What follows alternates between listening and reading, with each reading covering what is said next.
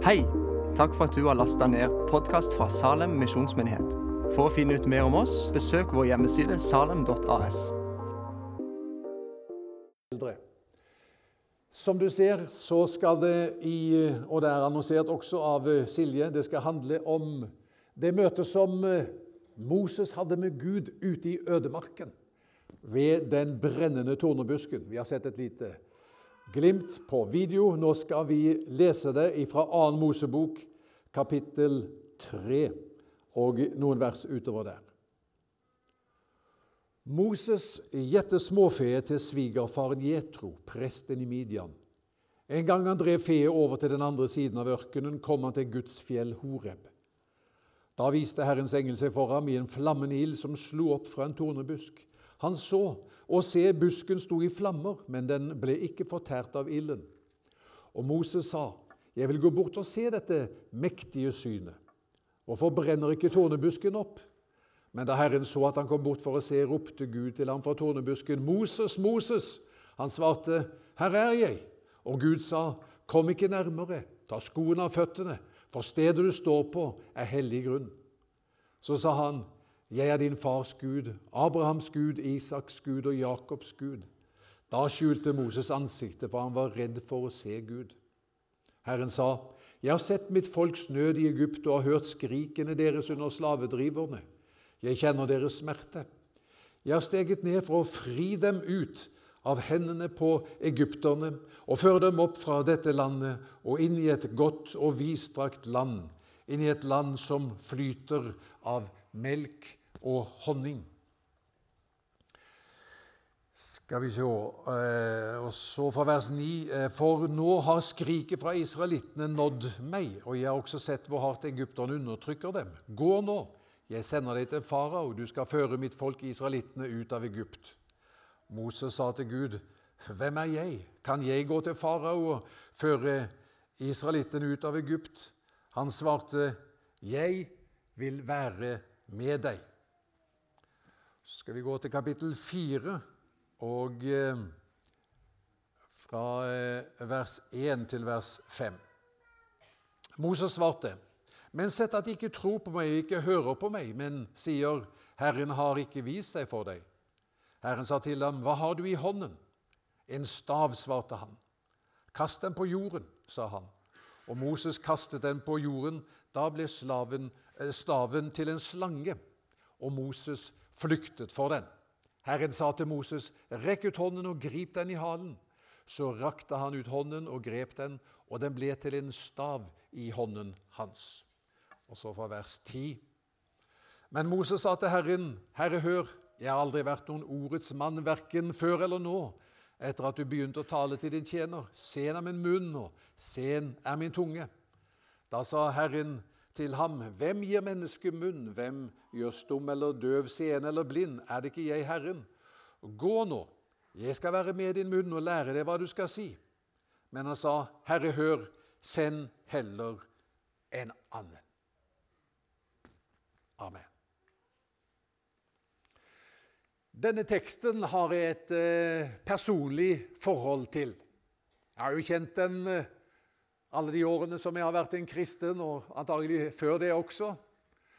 Men eh, i eh, april 2017, det er ikke så veldig lenge siden det, så var jeg eh, sammen med sønnene mine i London.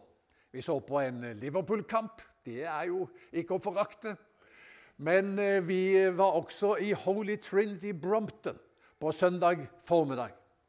Og det er jo for de av dere som ikke kjenner til det, så er jo det alfamenigheten. Alfakurset ble liksom født der i denne menigheten.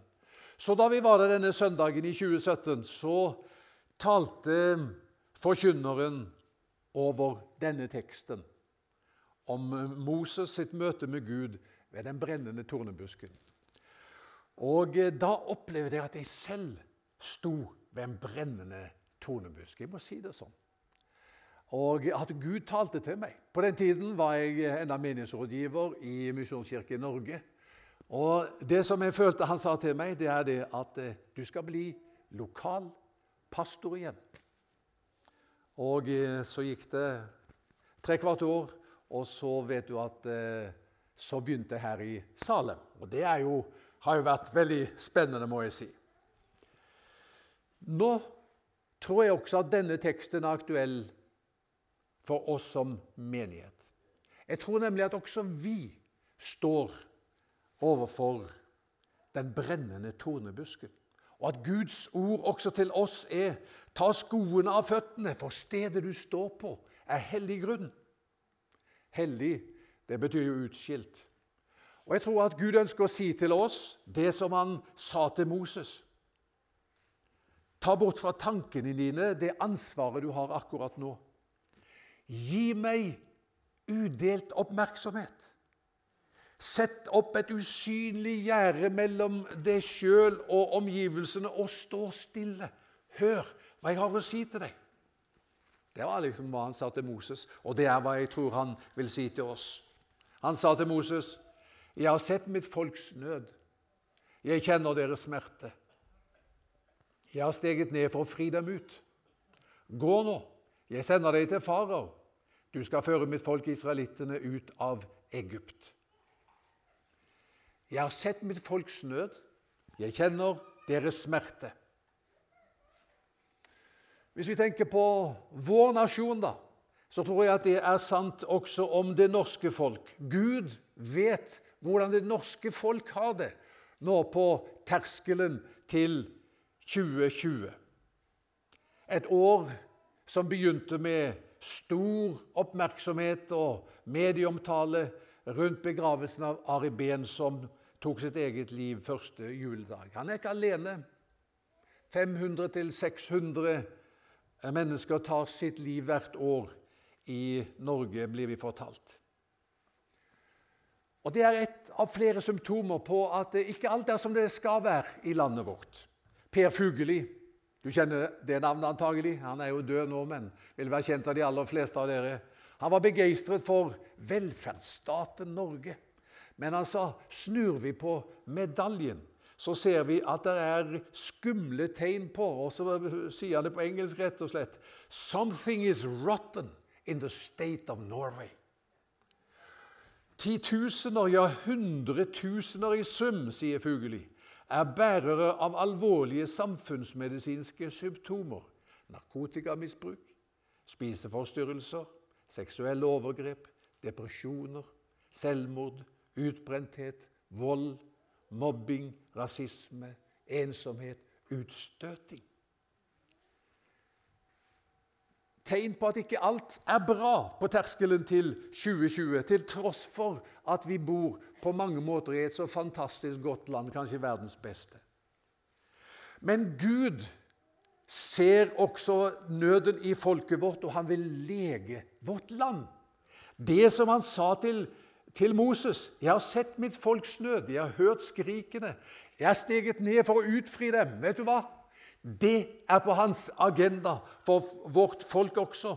Og han vil involvere sin menighet i dette på samme måte som han involverte Moses i det som var hans program.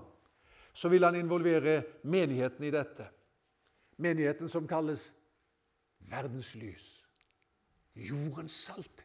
Du må ikke se smått på deg selv og hvilken betydning du kan ha for verden og for jorden. Herren sa 'verdens lys, jordens salt'. Og vet du, Historien er full av eksempler på bevegelser som har startet med Guds folk, og som har hatt så gode og positive samfunnsmessige konsekvenser. Vi trenger ikke gå lenger enn til vår egen Hans Nilsen Hauge for å finne bekreftelser på det. Årsmottoet for Salem er, som eh, Silje sa her Ramle ned. Jeg syntes det var noe rart. Takk, Åse.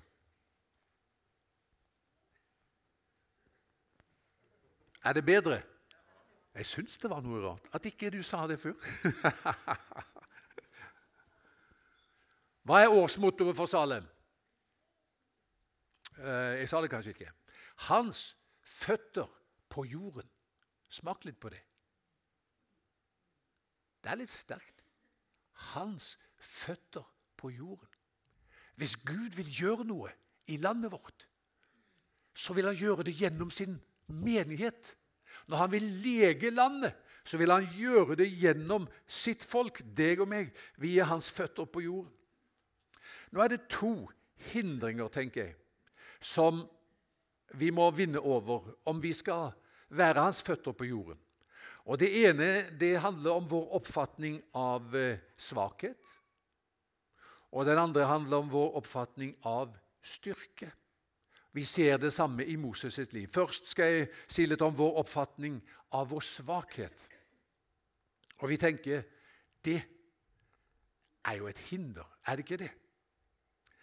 Da Gud kalte Moses, så svarte han, 'Hvem er jeg? Kan jeg gå til farao og føre israelittene ut av Egypt?' Det står i 3.11, og i 4.10 står det, 'Jeg har aldri vært noen ordes mann. Sen av min munn og sen av min tunge. Send heller en annen. Hæ? Før i tida sang vi en sang som het 'Jesus, Herre, jeg, send meg'. Og så Blant unge mennesker på den tiden så, så lagde man en egen versjon. 'Jesus, Herre, jeg, send naboen'. Det var liksom sånn som vi sa. Send heller en annen. Du er kommet til feil adresse, Herre. Og Det er ganske typisk når Gud kaller noen, at vi først tenker 'Jeg er ikke skikket for dette'. Jeg har brist, jeg har svakheter. Gideon han sa 'Jeg er for ubetydelig'. Gud ville kalle ham til å være en leder i sin levetid. Og han sa 'Jeg er for ubetydelig'. Å komme fra en liten familie, det går ikke. Jeremia, når Gud kalte ham, hva sa han? 'Jeg er for ung, Herre'. Og Abraham og Sara, hva sa de? 'Vi er for gamle, Herre'.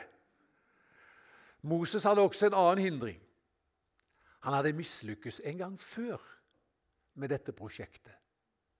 Så når Gud kommer til ham og sier jeg vil at du skal involvere deg i det som er mitt program og min agenda nå, det er å føre israelsfolket ut av Egypt, så er det én ting som kommer opp for Moses med en gang. Det har jeg prøvd på før, og det gikk ikke. Jeg hadde en enestående sjanse. Jeg var prins i Egypt. Jeg var vokst opp hos farao. Jeg hadde ressursene. Jeg hadde alt som skulle til. Og så prøvde jeg å stå frem som leder, og jeg slo i hjel en egypter og tenkte nå vil jødene forstå at jeg skal lede dem ut av eh, fangenskap og slaveri. Men de skjønte det ikke. I stedet så var det jeg som måtte flykte for mitt liv, og nå har jeg tilbrakt 40 år ute i ødemarken, og livet mitt er spolert. Det ble ikke noe av det. Så nederlaget det var liksom den der store hindringen for ham. Det gikk galt en gang i fortiden, og nå må du sende en annen herre. Men nederlag, det behøver ikke å være en hindring for at Gud i framtiden kan bruke deg. Nederlag brist. Det å møte veggen eller oppleve at eh, du ikke lykkes med det du satte deg fore, det kan være mye å forme deg, skjønner du. Det står om Moses i 4. Mosebok 12,3. Men Moses var en svært ydmyk mann, mer ydmyk enn noe annet menneske på jorden. Så kan vi spørre hvor lærte han det? Lærte han det hos farao da han var prins i Egypt, tror du? Lærte han ydmykhet der? Neppe. Hvor lærte han ydmykheten? I ørkenen. 40 år i ørkenen. Det gjorde noe med ham, som uten at han var klar over det, var et ledd i utdannelsen. En annen ting. Nederlaget førte ham ut i ørkenen og ødemarken. Hva gjorde han på der i 40 år? Ja, Vi så i barnekirken så hadde de denne sauen eller dette lammet som illustrerte hva han holdt på med. I 40 år var han gjeter i ørkenen, passet på sauer. Og han tenkte nok at livet er totalt bortkastet. Men når han skulle lede israelsfolket fra Egypt til løfteslandet, gjennom ørkenen, hva trengte han som hadde vandret på marmorgulv det meste av livet sitt i slottet til farao, å lære? Han trengte jo å lære hvordan er det i en ørken. Hvordan overlever man i en ørken? Hvordan finner man fram i en ørken? Så Han som altså hadde ledet sauer i eh, ørkenen i 40 år, han lærte hvordan man da også kan lede et folk gjennom ørkenen. Så det som du har opplevd som vanskelig, som smertefullt og som nederlag, det er med å kvalifisere deg. Ser du det? Det er et, der er et eh, ordtak som heter 'En fugl med brukket vinge vil aldri kunne fly igjen'. Har du hørt det ordtaket? Hvis ikke, så gjør det ikke noe, for det er ikke sant. I Bibelen så ser vi igjen og igjen at fugler med berukne vinger flyr i åndens kraft. De tenkte det var over når vinga brakk, men Gud kan lege, og han kan bruke en som det gikk i stykker for. Så vår oppfatning av svakhet er at den er et hinder, men den kan være med som et ledd i skolegangen for at Gud skal bruke deg i den tid som nå er. Jeg har sagt det noen ganger at Moses sitt liv kan deles inn i tre 40-årsperioder. De første 40 årene trodde han han var noe. Det ble ikke så mye av det. De neste 40 årene så lærte han det var i ørkenen. Han var ikke noe. Og De siste 40 årene så fikk han se hvordan kan, Gud kan bruke den som vet at overlatt til seg selv er man ikke så mye. Vi har et bilde Harald, eh, om våre forventninger til livet. Eh, kan du få det på veggen? Våre forventninger til livet. Det ser ut som en rett linje. Har du det? Der, ja. Se på den. Se, Har jeg noen unge her? Ja, Dere på andre benk må vel være innenfor kategorien unge. Ok, der er du på sykkel. Er det noen av dere som liker å sykle? Hvem? Han som spiller trommer. Og du òg? Ja, ikke sant? Ser du at, at du er brukt som modell der? Ser du at du er brukt som modell? Du er ung. Du har livet foran deg. Der framme er målstreken. Det er himmelen. Se, nydelig.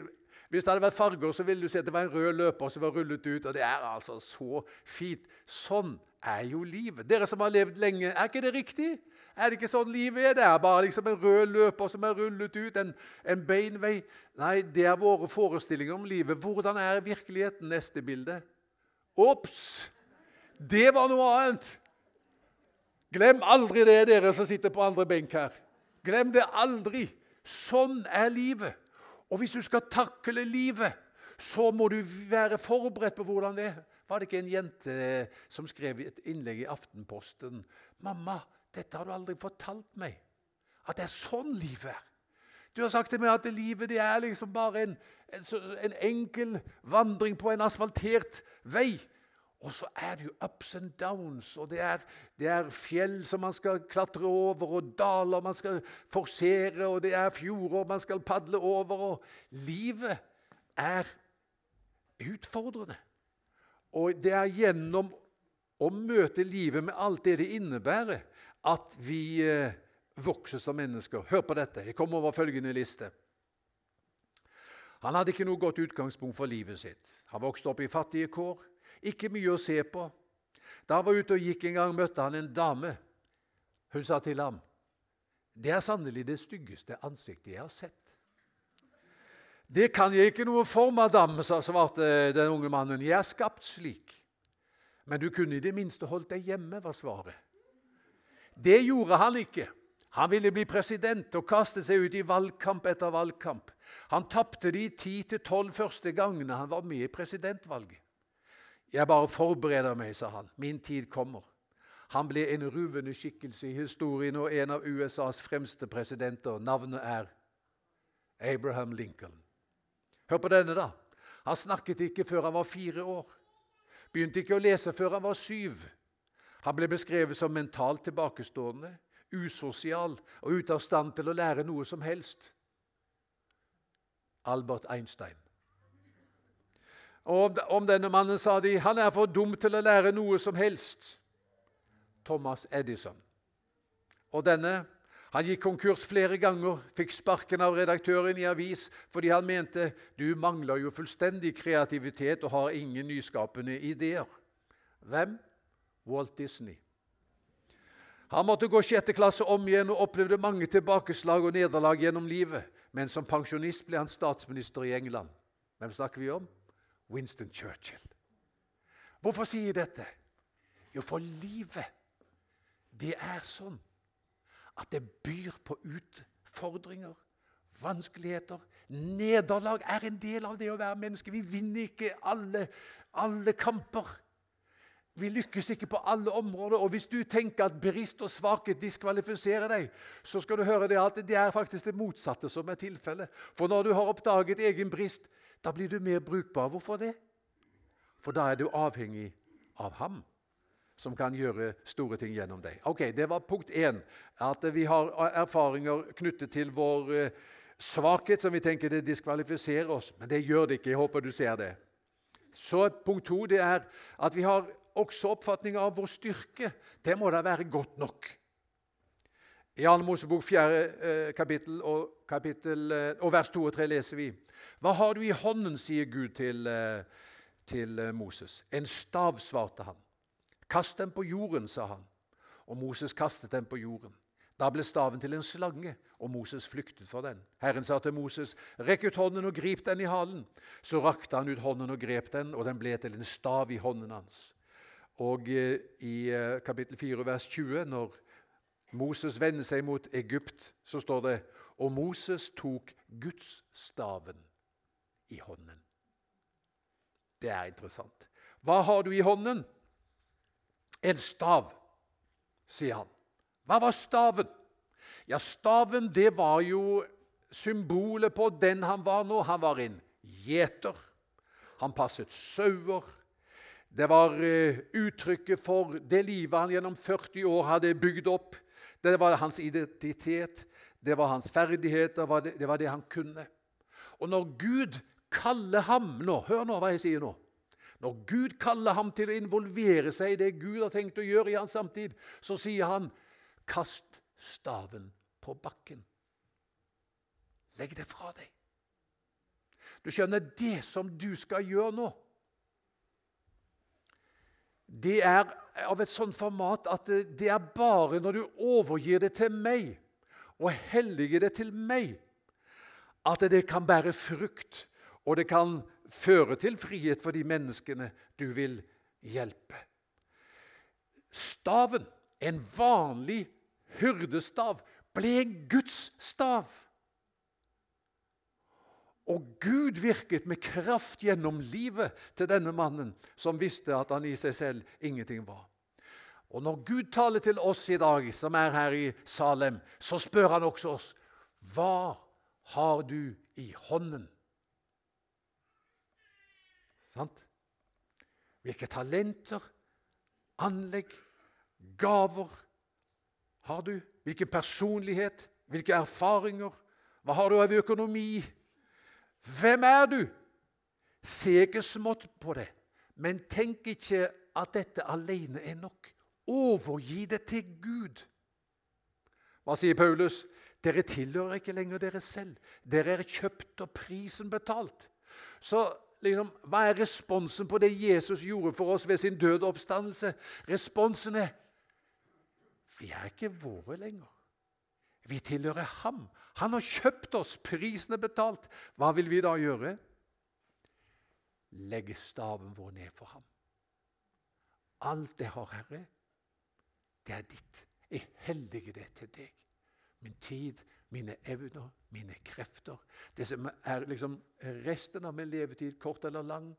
Jeg legger det ned for dine føtter. Da vil du få det tilbake. Og du vil oppleve det er Guds krefter i virksomhet i det som er vanlige du. Hva er oppdraget, da? Og Det er litt tredje punktet mitt. Hva er oppdraget? Moses vil høre jeg kjenner deres smerte, altså folk i Egypt. Jeg har steget ned for å fri dem ut av hendene på egypterne og føre dem opp fra dette landet og inn i et godt og vidstrakt land, inn i et land som flyter av melk og honning. Altså, Han så hvor smertefullt de hadde det. Han sa jeg skal føre dem ut av slaveri, av smerten, inn i et godt og vidstrakt land som flyter av melk og honning. Er du glad i melk og honning? Ja, det er jeg òg, så der er vi to. Men det er en måte å si det på at, at Gud vil godt. Gud har gode tanker med israelsfolket. Hvis, hvis, vi skal oversette det som jeg akkurat nå leste fra 4, 2. Mosebok 4, hvis vi skal oversette det i nytestamentlig språk, så kan vi bruke Kolosserbrevet 1, 13 og 14. For han har fridd oss ut av mørkets makt og ført oss over i sin elskede sønns rike. I ham er vi kjøpt fri og har fått tilgivelse for syndene. Det er Guds plan for vår nasjon. Han vil lege landet vårt. Han vil fri vårt folk ut av mørkets makt. Og så vil han føre dem over i sin elskede sønns rike, så de får oppleve et rike som består i syndenes forlatelse, så de, så de får oppleve et rike som består ikke i å spise og drikke, men i rettferdighet, fred og glede i Den hellige ånd. Så de får oppleve et rike som ikke består i ord, men i kraft. I himmelkrefter. Det er hva Gud har for oss.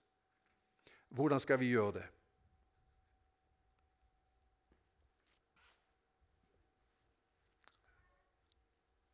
Er vi ved den brennende tornebusken, så det er klart da lurer vi på. Ja, jeg skjønner min svakhet er ikke et hinder. Mine talenter er ikke godt nok i seg selv, men jeg vil legge min stav ned for dine føtter, Herre, og få den tilbake som en Guds stav. Men hva, hva vil du så jeg skal gjøre? Roy Godwin har jo skrevet et par bøker, 'Velsignelsens vei' og eh, 'Strømmer av nåde'. De er verdt å lese. Og eh, Han gir noen enkle punkter. For så sier han eh, et sted til et folk som er klar. Og det lurer jeg på. Er du klar? Ser du deg selv som en del av svaret på det Norge trenger? Du skal slippe å liksom rekke opp hånda, men jeg tror at det kanskje demrer for deg at ja, vi er jo, tilhører jo dette folket som er jordens salt, verdens lys. Ja, Guds menighet er et svar på det Norge trenger. Hvordan skal vi gjøre det? Skal vi ta neste bilde, Harald, så, så er det noen punkter, kanskje det er litt liten tekst, men eh, spør deg selv hvem har Gud plassert foran deg? Hvordan kan du bekrefte den personen? Gi nåde til den personen. Velsigne dem og gi dem Jesus. Det er det første spørsmålet. At du tar dette gjerne med deg hjem og så spør du, hvem har du plassert foran meg, Herre, som jeg kan velsigne og gi nåde til. Og Det er kanskje ikke det første jeg skal gjøre, å gi dem evangeliet om Jesus, men på et tidspunkt må jeg jo gi dem evangeliet om Jesus. For det som er Guds plan, det er jo å føre dem inn i Hans elskede sønns rike. Det andre spørsmålet der det er hvilke muligheter åpner Gud for dere som små fellesskap? Så dere kan gjøre godt og dele evangeliet i deres område. Hvis jeg spør deg, eh, Harald, hvor mange er vi i småfellesskap i Salem nå? Harald Meberg. 260 av oss er i småfellesskap. Og hvert enkelt småfellesskap det er så potent med velsignelse og mulighet til å bety noe i nærmiljøet. Så Gud skal gi dere tanker og, og, og, ideer for hvordan dere kan velsigne og gi nåde og gi Jesus til mennesker i deres område.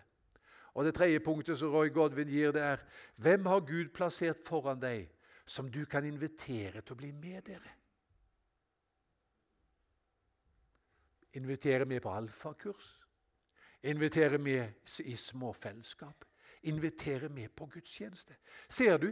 Dette kan vi faktisk gjøre. Hvem har Gud plassert foran deg? La meg avslutte med en historie som jeg leste nettopp. Og Denne forteller ikke alt, men den forteller om et sted å begynne. Hør. Jeg leste om eh, en, en mann da som voksen som forteller tilbake eh, fra han gikk i fjerde klasse og skulle på legeundersøkelse. Og eh, hvor, eh, eh hvor vanskelig det her var for han. Han sier at han sitter skrekkslagen på venteværelset i en lett skjorte. Han var nemlig ikke som de andre. Han var, som han sjøl sa det, jeg var deformert. Det kunne han for det meste skjule når han hadde klær på seg, men når han tok klærne av, så var jo dette synlig for alle. Og nå var han på legeundersøkelse sammen med klassen. Jeg, jeg, jeg leser. Han sier, 'Jeg levde med en følelse av skam. Jeg hatet det.' Det var ikke noe jeg ønsket mer i livet enn å være som de andre guttene. Snart skulle han inn til legen, og da visste han at han ville si, 'Og nå, Josef, ta av deg på overkroppen, så jeg kan få tatt eh, en titt på deg.' Jeg fryktet det som ville komme. Jeg kledde aldri av meg i andres nærvær. Som barn var jeg utsatt for en ulykke og en sykdom i ryggmargen som hadde gitt meg en pukkel på ryggen. Det var en skavank som satte dype spor i sjelen min. Jeg bar på en tung følelse av mindreverd. Da det var min tur, gikk jeg inn i undersøkelsesrommet. Bak et bord satt en tynn, høy mann med et skjema i hånden. Så her har vi altså Josef, sa han, i fjerde klasse. Ja, la oss gå i gang. Jeg ble veid og målt, og så kom ordene jeg fryktet mest av alt. Og nå, Josef, kan du ta av deg skjorta. Fingrene mine skalv da jeg fomlet for å få opp knappene. Men til sist var jeg ferdig og lot dem falle på gulvet. Det finnes ikke ord for å beskrive hvordan jeg hadde det akkurat da. Det var stille på legekontoret. Så reiste legen seg, la fra seg skjemaet og kom bort til meg. Vennlig plasserte han en hånd på hver side av ansiktet mitt og så meg inn i øynene. Tror du på Gud? Jeg ble forskrekket, men innrømmet at jeg gjorde det. Bra, for i denne verden klarer vi oss ikke alene. Og du skjønner det, jo mer tro vi har på ham, jo tryggere blir vi på oss selv også. Ja, sa jeg. Det var noe ved måten denne vennlige mannen rørte ved ansiktet mitt ved ansiktet mitt på og snakket til meg på, som gikk rett i hjertet på meg, og jeg begynte å skjelve. Legen gikk tilbake til pulten og tok skjemaet. Han skrev noe på det, og så ba han meg ha, meg, ha seg unnskyldt et øyeblikk. Han skulle straks komme tilbake. Mens jeg sto der og ventet, landet øynene mine på skjemaet. Jeg lurer på hva det står der, sa jeg til meg selv. Jeg lurer på hva han skrev om skavanken min. Jeg var tørr i halsen og stålsatte meg for det verste. Men der under rubrikken 'Fysiske særtrekk' sto det han har et uvanlig velformet hode. Jeg stirret forvirret på ordene. De var så uventet, så helt annerledes enn tankene som hadde herjet i sinnet mitt. Han har et helt uvanlig velformet hode. Jeg leste ordene igjen. Nei, jeg hadde ikke tatt feil. Det var det som sto der. Og enda viktigere, det sto ikke noe mer. Ingenting mer. Før jeg visste ordet av det, var legen tilbake. Han smilte til meg med øyne fulle av innsikt og av vennlighet. Ok, Josef, sa han. Da kan du ta skjorta på deg og si at nestemann kan komme inn. Det legebesøket forandret mitt liv.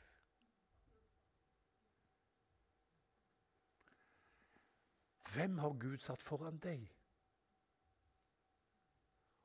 Hvordan kan du velsigne, bekrefte, gi nåde til vedkommende? Gi Jesus.